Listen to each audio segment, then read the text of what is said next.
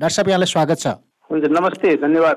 यो सम् विषयमा तपाईँसँग पनि धेरै संवाद गरियो विगतमा अरू विज्ञहरूसँग पनि संवाद गरियो। अझ राष्ट्रसङ्घका महासचिवको नेपाल भ्रमणको सन्दर्भमा झनै यो विषय उठान भयो। अब हामी राष्ट्रसङ्घको समेत ध्यान आकर्षण भइसकेको भर्खरै अनि यो विश्व सम्मेलन भइराखेको युएमा त्यसमा हामी जाँदै गर्दा हाम्रा एजेन्डाहरू नयाँ के एजेन्डाहरू थपिए अथवा पुरानै एजेन्डाहरूको रटानका साथ हामी त्यहाँ उभिँदैछौँ?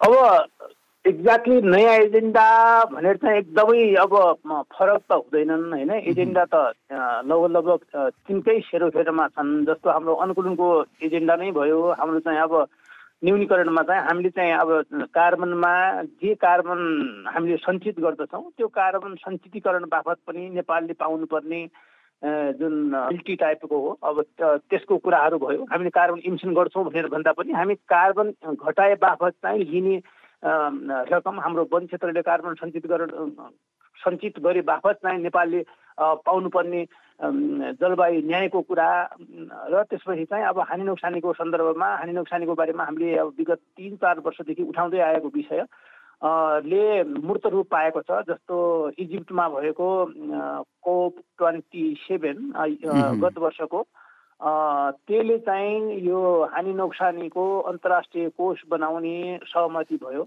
भनेपछि हानि नोक्सानीको अर्को मुद्दामा पनि नेपालले चाहिँ अब नेपाल जस्तै देशहरू र नेपालले जसको अनाहकमा जलवायुको प्रभाव भोगिराखेका छन् ती कुरालाई चाहिँ पनि हामीले पनि जलवायु यो न्यायको हिसाबले हानि नोक्सानीको कोषको परिचालन र त्यो कुरा चाहिँ फाइदा लिने सन्दर्भको कुरा उठाउने र समग्रतामा अब हिमाली क्षेत्रमा जसरी नेपालको तिनवटा भौगोलिक क्षेत्र हिमाल पहाड तराई तिनटै क्षेत्रमा अलग अलग तरिकाले जलवायु परिवर्तनको असरहरू देखिराखेको सन्दर्भमा हिमाल जल जो विश्वमा चाहिँ नेपाललाई चिनाउ चिनाएको छ त्यो हिमालको प्रतीकलाई हामीले हेरेर हेर्ने हो भनेपछि जलवायु परिवर्तनको असर हिमालमा परेको छ हिउँ पग्ने क्रम बढेको छ र हिमताल विस्फोटनको सन्दर्भमा छौँ र हिम पहिरो चाहिँ धेरै घटनाहरू हिम पहिरोको गत वर्ष पनि देख्यौँ त्योभन्दा अगाडि पनि देख्यौँ र हिम पहिरोबाट धेरै धनधनको क्षति भएको पनि हामीले देख्यौँ भनेपछि हामीले यो नाहकमा जसको चाहिँ अन्तर्राष्ट्रिय लेभलमा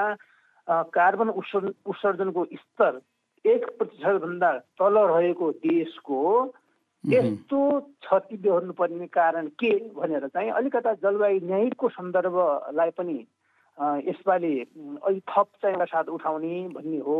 र अरूमा चाहिँ तपाईँले अघि भन्नुभयो संयुक्त राष्ट्रसङ्घका महासचिवको नेपालको भ्रमण पछाडि जलवायु परिवर्तनको एजेन्डालाई चाहिँ त्यति महत्त्व दिएको अर्थात् निर्णयकर्ताबाट पनि त्यति महत्त्व नदिएको अर्थात् अन्तर्राष्ट्रिय समुदायबाट पनि नेपाललाई चाहिँ जुन तरिकाको यो वित्तीय के अरे परिचालन हुनुपर्ने त्यो पनि नभएको सन्दर्भमा उहाँको भ्रमणले अलिकता जसरी बिउजाएको अवस्था छ त्यो बिउजाएकोमा पनि नेपालले आफ्नो आवाजलाई त्यही लाइनमा राख्नलाई पनि केही थप ऊर्जा दिएको छ।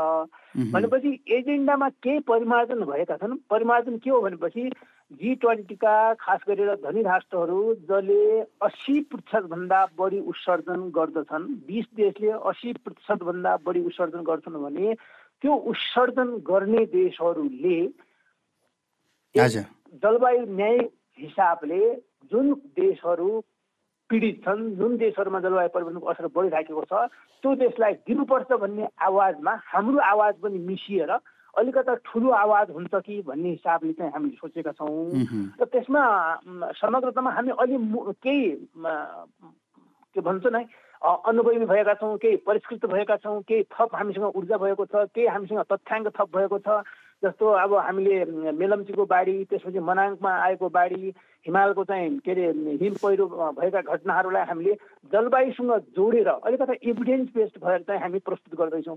बिजनेस एज युजल भन्दा पनि हामी अलिकता फ्याक्ट बेस्ड होइन? हाम्रो प्रमाणसहितको चाहिँ मुद्दा हामी उठाउँदै गरेको हुनाले पहिलाको भन्दा यसपालिको मुद्दामा हामी केही मोर अब अलिकता भनौँ न एक्च्युट भएका हौँ कि मोर वैज्ञानिक करणतर्फ मोर भनौँ न हामी साइन्सलाई उन्मुख साइन्सलाई अगाडि राखेर चाहिँ मुद्दा उठाउने सन्दर्भ भइरहेको हुनाले अरूभन्दा फरक हो भन्ने चाहिँ मलाई लाग्यो हो। मुद्दा चाहिँ तिनै भए तर हाम्रो तयारी र सचेतना चाहिँ फरक भयो। हो एक्ज्याक्टली हाम्रो तयारी र सचेतना फरक भयो। जलवायुको दुइटै कुरा हुन्छ कि मुद्दामा चाहिँ अब अहिले तिनवटा मुद्दा मेजर मानिन्छ। एउटा चाहिँ अब अनुकूलनको मुद्दा अनुकूलनमा चाहिँ नेपालले गरेको चाहिँ जस्तो अब नेपालले राष्ट्रिय अनुकूलन योजना बनाएको छ तिस वर्ष लामो योजना जसको अब कार्यान्वयनको लागि सत्तालिस अरब अमेरिकी डलर बराबरको लगानी आवश्यक पर्छ। त्यस्तै नेपालले चाहिँ आफूलाई दुई हजार पैँतालिससम्म नेट जिरो हाम्रो इमिसन चाहिँ जिरोमा झार्छौँ भनेर जुन प्रतिबद्धता गरेर संयुक्त राष्ट्रसङ्घमा बुझाएको छ त्यो कार्यान्वयनको लागि लगभग लगभग छब्बिस अरब बराबरको अमेरिकी डलर बराबरको लगानी आवश्यक पर्छ।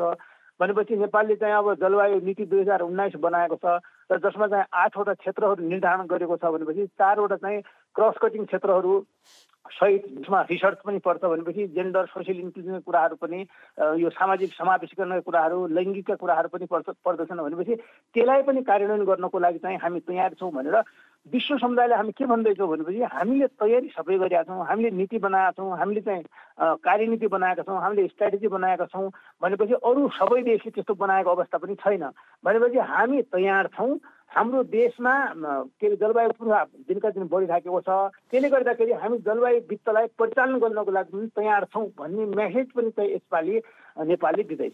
अब यो जलवायु परिवर्तनका सन्दर्भमा प्रतिकूल भूमिका खेल्ने देशका सरकार अथवा राष्ट्र प्रमुखहरूको त्यति धेरै चासो नदेखिने उनीहरूको सहभागिता पनि खासै नहुने यसपटक पनि चिनको सहभागिता अमेरिकाको सहभागिताका सन्दर्भहरू उठिराखेकै छन्।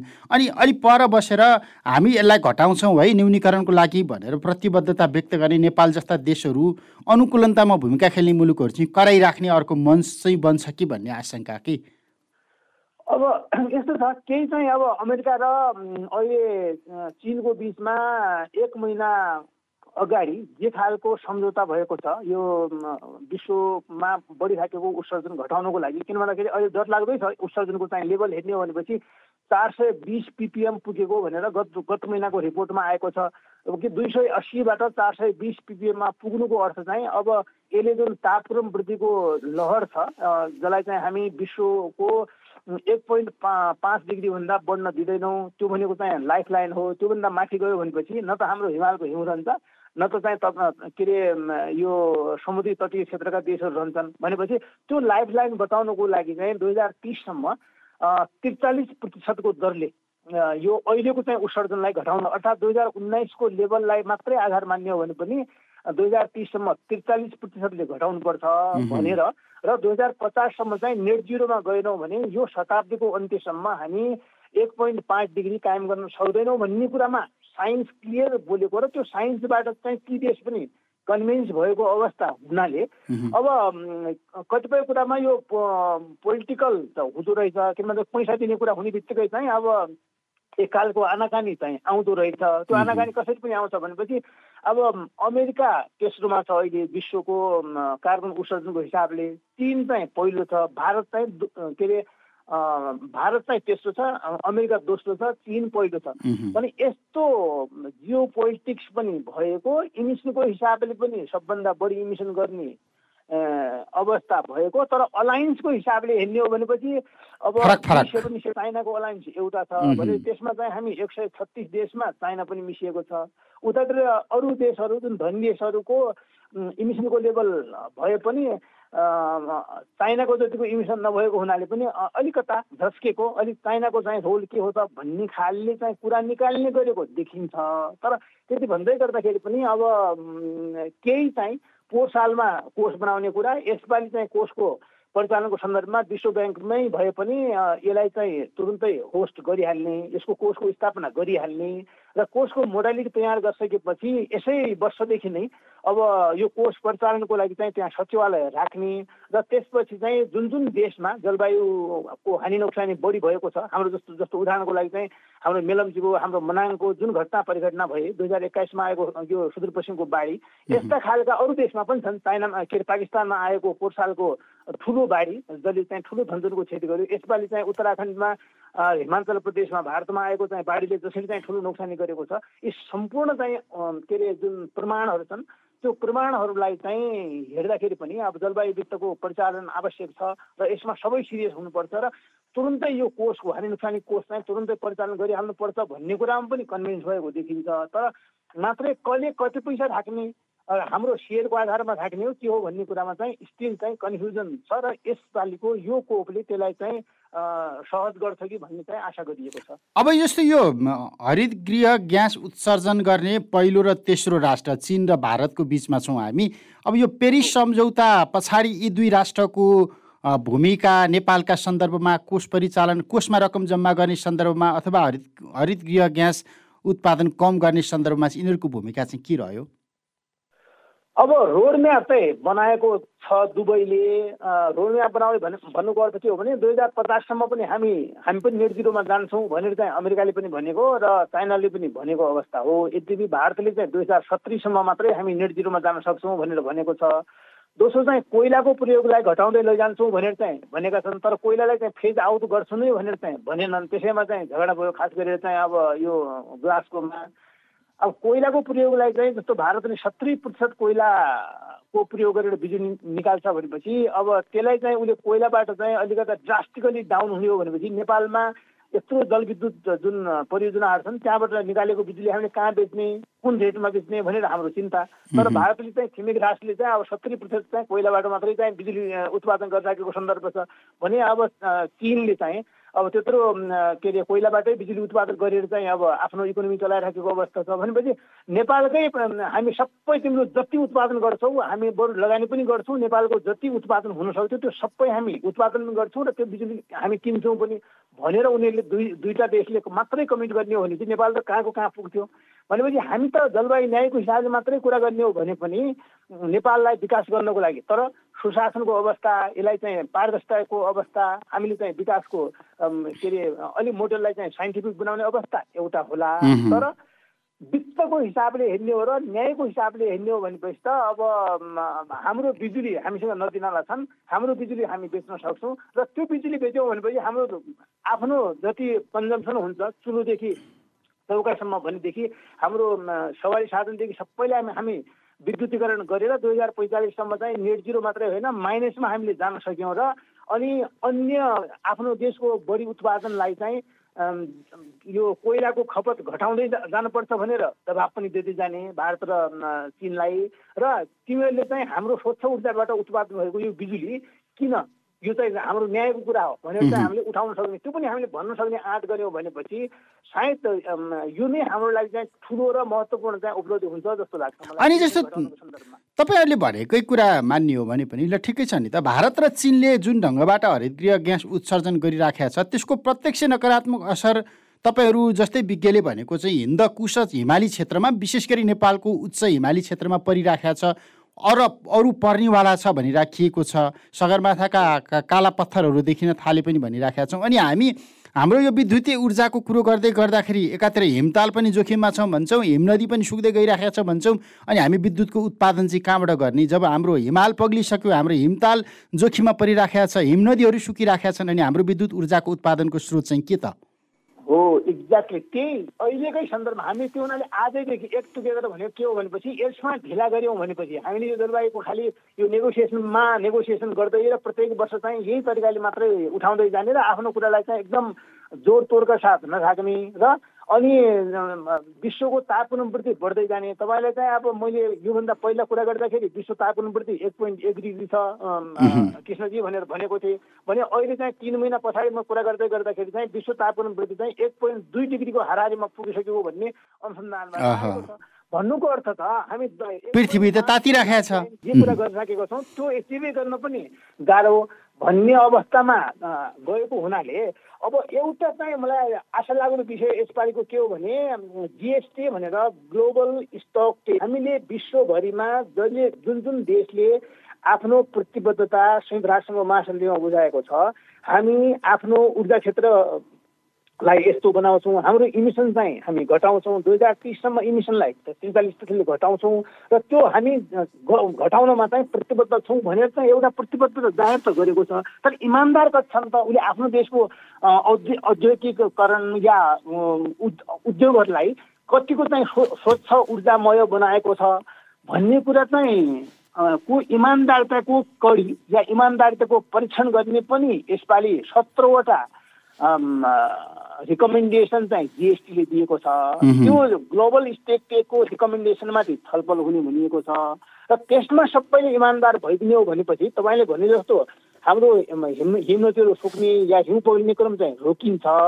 र त्यो रोकिएपछि कम अबको सय वर्ष मात्रै त्यो रोकिने हो भनेपछि त अनि त्यति बेलासम्म त सबैले चाहिँ हाम्रो विश्व तापक्रमलाई चाहिँ घटाउने नेट जिरोमा जाने यो गरेर भनेपछि त विश्वमा चाहिँ तहमा हुन्छ भन्ने खालको एग्रिमेन्ट भइसकेको सन्दर्भमा त्यसले के काम गर्छ कि भन्ने चाहिँ आशा हो क्या। अब जस्तो अर्को अनुकूलनका कुरा हामी नेपाल अथवा नेपालभन्दा केही बढी औद्योगिक योगदान भएका मुलुकहरू औद्योगिक राष्ट्रहरूको सन्दर्भमा कुरा गर्ने हो भने हामी यस्ता देशहरूले दिगो विकासको लक्ष्य हासिल गर्ने अथवा आर्थिक गतिविधिहरू अगाडि बढाउने सन्दर्भमा चाहिँ यो जलवायु अनुकूलनका मापदण्डहरू पालना गरेका छौँ कि छैनौँ? हो अब यो तपाईँको एकदमै फ्यान्टास्टिक प्रश्न हो। यसपालि जस्तो हामी नेपालले आठवटा अनुकूलनका चाहिँ आठवटा क्षेत्र छन्। भनेको पानीको क्षेत्र भनौँ जलाधारको क्षेत्र क्षेत्र ऊर्जाको क्षेत्र स्वास्थ्यको क्षेत्र लगायत चाहिँ हाम आठवटा भौतिक संरचनाको क्षेत्र आठवटा क्षेत्रमा जलवायु परिवर्तनको असर छ। प्रत्यक्ष वा अप्रत्यक्ष क्यास्केडिङ इम्प्याक्ट भएर पनि भनौँ न एकले अर्कालाई चाहिँ हिर्काएर जुन मेलनचिपको जस्तो चाहिँ बाढी आयो र जसले गर्दाखेरि सुरुमा पहिरो गयो पहिरोले चाहिँ ड्याम बनायो ड्याम बनाएपछि बाढी गयो त्यो बाढीले चाहिँ तलको चाहिँ तटीय क्षेत्रलाई नोक्सानी गर्यो हो। त्यस्तो खालको क्यास्केडिङ इम्प्याक्टहरू पनि बढिराखेको कुरालाई पनि हामीले अलिकता बन्डलिङ गरेर राख्ने हो भनेपछि अब तपाईँले भनेको चाहिँ जस्तो अनुकूलनका यसपालि लक्ष्य निर्धारण गर्ने ग्लोबल गोल एडाप्टेसन भनेर यसपालि एग्रिमेन्ट हुँदैछ। त्यो भनेको चाहिँ विश्वव्यापी रूपमा अनुकूलनका लक्ष्यहरू के के हुन्? र त्यो लक्ष्य चाहिँ कुन कुन क्षेत्रमा हामीले कहिलेसम्म एचिभ गर्छौँ? त्यसको मोनिटरिङ मेकानिजम के हो? त्यसको अनुगमनको के अरे प्रणाली के हो? भन्ने पनि यसपालि सहमति गर्ने भनिएको छ। यद्यपि त्यो सहमति पोसाले गर्ने भनिएको थियो भएन। यसपालि चाहिँ त्यो लक्ष्य निर्धारण गर्ने भनिएको छ। हामीसँग एउटा राम्रो के छ भनेपछि हामीले न्याप त्यो लक्ष्य निर्धारण गर्नको लागि सहयोगी हुने जुन डकुमेन्ट हो त्यो डकुमेन्ट तयार गरेर हाम्रो चाहिँ हामी आठवटा क्षेत्रमा जलवायु परिवर्तनको असर छ र आठवटा क्षेत्रमै लगानी आवश्यक छ भनेर हामीले आफ्नो इन्डिकेटर दिइसकेको सन्दर्भमा चाहिँ त्यसले गर्दा हामी अलिकता एक कदम अगाडि छौँ र त्यो एक कदम अगाडिले चाहिँ विश्व जुन अनुकूलनको लक्ष्य प्राप्तिमा र लक्ष्य निर्धारण गर्नमा पनि त्यो फ्रेमवर्क बनाउन पनि सहयोग गर्छ भन्ने हिसाबले आशा गरिएको छ।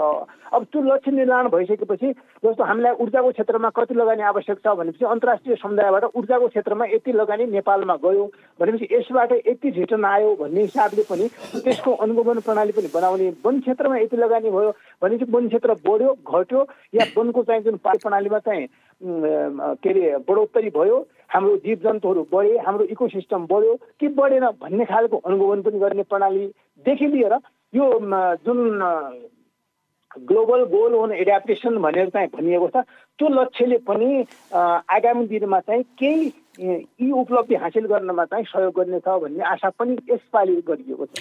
जस्तो मैले फेरि पनि त्यही प्रश्नमा ल्याएँ विकास अध्ययन बिनाको विकास अनि विकासपछिको विपत्ति हामीले धेरै सामना गरेका छौँ।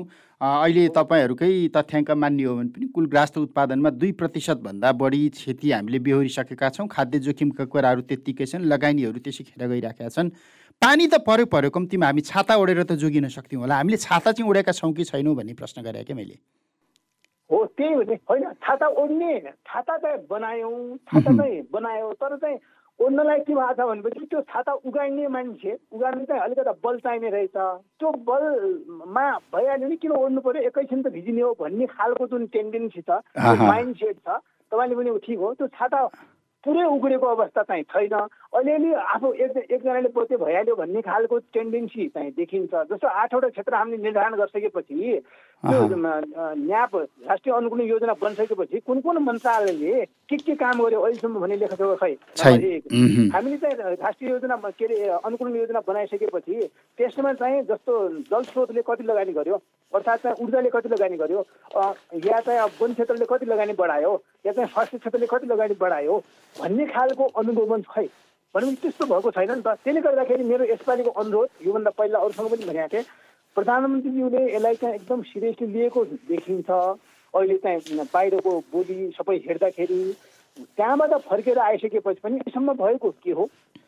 जसरी हामी जिएसटीको ग्लोबल स्टक टेकको कुरा हामी गर्दैछौँ भने नेसनल स्टक टेक पनि गरौँ। हामीले देशभरि के के गऱ्यौँ के के बाँकी छ कुन कुन क्षेत्रमा लगानी गर्न बाँकी छ कुन कुन क्षेत्र जोखिममा छ कुन समुदाय जोखिममा छ भन्ने कुराको लेखाजोखा गरेर अनि त्यसपछि योजनाहरू बनाउने र त्यो योजनामा चाहिँ लगानी पनि त्यही तरिकाले चाहिँ हामीले थप्ने गऱ्यौँ भनेपछि हामी पनि उदाहरणीय बन्छौँ र विश्व समुदायलाई भन्नलाई पनि सजिलो हुन्छ नत्र हामीले अलिकता काम नगर्ने खालि चाहिँ तपाईँले भने जस्तै कप आएको बेला चाहिँ अब जाने अनि त्यसपछि त्यो जानमा पनि त्यति अब भनौँ न जसरी अब त्यहाँ जानुभन्दा अगाडि कुन कुन जाँदै हुनुहुन्छ त्यसको उनीहरूलाई ट्रेनिङ के बोल्ने यी सबै कुराहरूको अलिकता अझै योभन्दा पनि तयारी गर्न सकिन्थ्यो कि भन्ने चाहिँ मलाई आफूलाई रियलाइजेसन चाहिँ भएको छ। त्यही त अब यो हामीले डेनमार्कमा त्यो सगरमाथाको ढुङ्गो बोकेर गएको दिनदेखि आजसम्म त्यो ढङ्गले विश्व मञ्चमा लबिङ गरिदिएको भए आफ्नो तयारी त्यही अनुसार गरेर गएको भएदेखि हामीले त्यो क्षति तथा नोक्सानी कोषमा जम्मा हुने रकम अथवा त्यसबाट हामीले पाउनुपर्ने क्षतिपूर्तिमा धेरै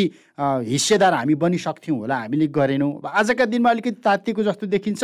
सम्मेलन सकिसके पछाडिको अवस्था फेरि सिंहदरबार त्यसै गरी सुस्तायो विज्ञहरू त्यसै गरी सुस्तायो भने के अर्थ रह्यो र?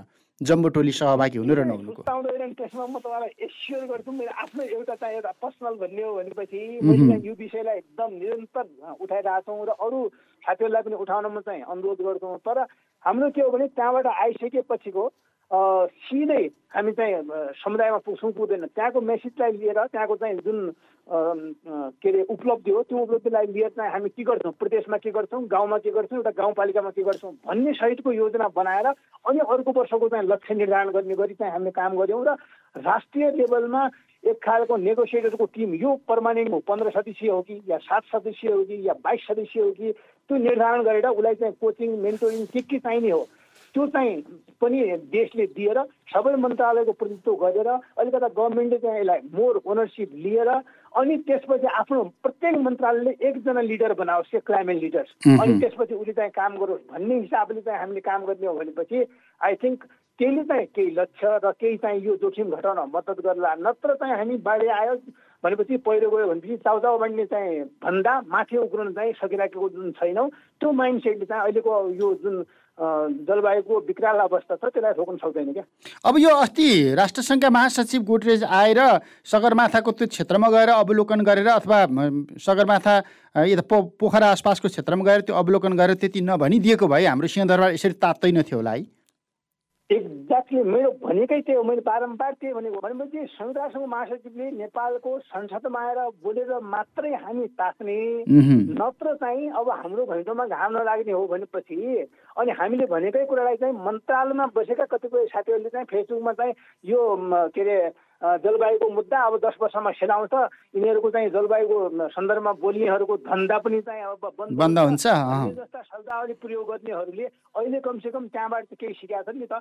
भन्नाले अलिकता यो ओपन अप भएको छ यो एजेन्डा। ओपन अप भएको बेलामा चाहिँ यसलाई चाहिँ हामीले के के भन्छ नि अपर्च्युनिटीको रूपमा अवसरको रूपमा प्रयोग अनि त्यसपछि योजनामा त्यसपछि आफ्नो प्रायोरिटीमा यसलाई सेट गरेर चाहिँ एकदम अबको वर्ष दुई हजार तेइस या आउने चाहिँ दुई हजार एकासीलाई चाहिँ कार्यान्वयनको वर्ष भनेर घोषणा गरेर जलवायु कार्यान्वयनको वर्ष दुई हजार एकासी भनेर चाहिँ हामीले दुई हजार एकासीदेखि दुई हजार नब्बेसम्म एक दशक कार्यान्वयनको वर्ष दशक भनेर चाहिँ घोषणा गर्ने हो कि के गरेर हुन्छ त्यो अलिक उच्च तहबाट चाहिँ त्यसरी जाने हो भनेपछि मात्रै चाहिँ जलवायुको मुद्दालाई हामी निम्त्यान गर्न सक्छौँ। नत्र सधैँ उठ्ने अनि त्यसपछि बिर्सिने भन्ने खालको चाहिँ नहोस् भन्नेमा सचेत हुनुपर्छ भनेर पनि म अलिकता यसलाई तपाईँहरूको माध्यमबाट सबैमा भन्न पनि चाहन्छु। अहिले अब अन्त्यमा तपाईँहरू विज्ञका रूपबाट विज्ञ समूहका तर्फबाट सहभागी हुँदै हुनुहुन्छ। यसमा भूमिका के हुन्छ एजेन्डा के हुन्छ र यो मञ्चलाई अवसरको रूपमा प्रयोग गर्दै कसरी गरिराख्नु भएको छ तपाईँहरूले? अब यस्तो दुई तिनवटा पाटा एउटा चाहिँ अब सबै साथीहरूले कुनै साथीहरूले चाहिँ अब जलवायु अनुकूलनको मुद्दामा यो मैले भने यो अनुकूलनको विश्वव्यापी लक्ष्य निर्धारणको लागि चाहिँ त्यसमा काम गर्दै हुनुहुन्छ। मैले चाहिँ जस्तो हानि नोक्सानीको विषयमा हानि नोक्सानीको कोष स्थापना त्यसपछि कोषको परिचालन र त्यसपछि कोषको लागि चाहिँ जुन त्यो त्यो जलवायु कोष मात्रै हामीले पैसा पाउँछ भन्ने होइन नि त। जस्तो हामीसँग चाहिँ डेटा सिस्टम जस्तो चाइनाले चाहिँ के अरे हामीलाई चाहिँ अर्ली वार्निङको डेटा दिन्छ कि दिँदैन अहिले? दिँदैन नि त। हो जस्तो भारतले पनि चाहिँ नेपाललाई तथ्याङ्क दिने कुराहरूको सन्दर्भमा पनि त्यहाँ प्रश्न छ भनेपछि त्यो ट्रान्सबाउन्ड्री डेटा सिस्टमको परिचालन या ट्रान्सबाउन्ड्री डेटाको एक्सेस नेपालले पाउने सन्दर्भमा देखि लिएर भोलि के हुँदैछ? कस्तो खालको चाहिँ सिचुएसन हुँदैछ? यो जुन जोखिम कस्तो खालको आउँदैछ भन्नेसम्मको अलिकति साइन्सलाई पनि उजागर गर्दै जाने। त्यसपछि त्यो साइन्समा चाहिँ ट्रान्सपोर्टको इस्युलाई चाहिँ पनि हामीले त्यहाँ उठाउने र रिस्क बढ्दैछ भन्नुको अर्थ चाहिँ हामी चाहिँ रिस्क बढ्दैछ भन्ने तथ्याङ्क लुगाएर बस्ने गर्नु हुँदैन भनेर पनि हामी चाहिँ कुरा राख्छौँ त्यो साइन्समा भनेपछि अब अनुकूलनको अनुकूलनको लक्ष्य भयो। अनि एडाप्टेसनको के अरे यो न्यूनीकरणको सन्दर्भमा कार्बन व्यापारलाई अलिकता नेपाल जस्तो देशमा भोलिन्टियरी मार्केटबाट पनि परिचालन गरेर समुदायमा चाहिँ होस् भन्ने हिसाबले पनि त्यसमा अनुकूलनका के न्यूनीकरणमा काम गर्ने साथीहरूले कार्बन चोरीको सन्दर्भमा काम गर्ने साथीहरूले त्यसमा काम गरिराख्नु भएको छ। भनेपछि आदिवासी जनजाति र यो चाहिँ लैङ्गिक समानताको विषयमा प्रत्येक क्षेत्रमा यसको असर छ भनेर चाहिँ त्यसलाई पनि एउटा मूल प्रभाविकरणमा ल्याउनुपर्छ भन्ने हिसाबले काम गर्ने एउटा टिमले छुट्टै त्यहाँ काम गरिरहेको अवस्था छ। भनेपछि अलिकति माउन्टेनको विषय अलिकति हिमालको विषय हाम्रो हिमालको जुन तपाईँले अघि पनि भन्नुभयो त्यो जुन खतरामा छ त्यसलाई चाहिँ बचाउनुपर्छ भन्ने हिसाबले माउन्टेनको एजेन्डालाई नै कपको चाहिँ कभर स्टोरीमा ल्याउने अर्थात् कभर पेजमा ल्याउने र त्यसले चाहिँ स्पेस पायो भनेपछि अनि नेपालको माउन्टेनको एजेन्डा बलियो हुन्छ भन्ने हिसाबले काम गर्ने साथीहरूले त्यसमा पनि काम गरिराख्नु भएको छ। समग्रतामा हामी छ सातवटा चाहिँ मेजर एजेन्डामा र त्योभित्रका चाहिँ फेरि तमाम धेरै खालका चाहिँ सब एजेन्डाहरूमा पनि काम भइराखेको हुनाले हेरौँ कस्तो हुन्छ। अब अबको दस पन्ध्र दिन पछाडि कहाँबाट फर्केर आइसकेपछि तपाईँसँग फेरि कुरा र के के हुन्छ भन्ने कुराको चाहिँ फेरि जानकारी दिउँला। र के भयो भन्ने कुराको जानकारी दिउँला के सकेनौँ भनेर पनि भनौँला। हुन्छ। शुभेच्छा शुभकामना समय र संवादका लागि धन्यवाद। धन्यवाद तपाईँलाई पनि।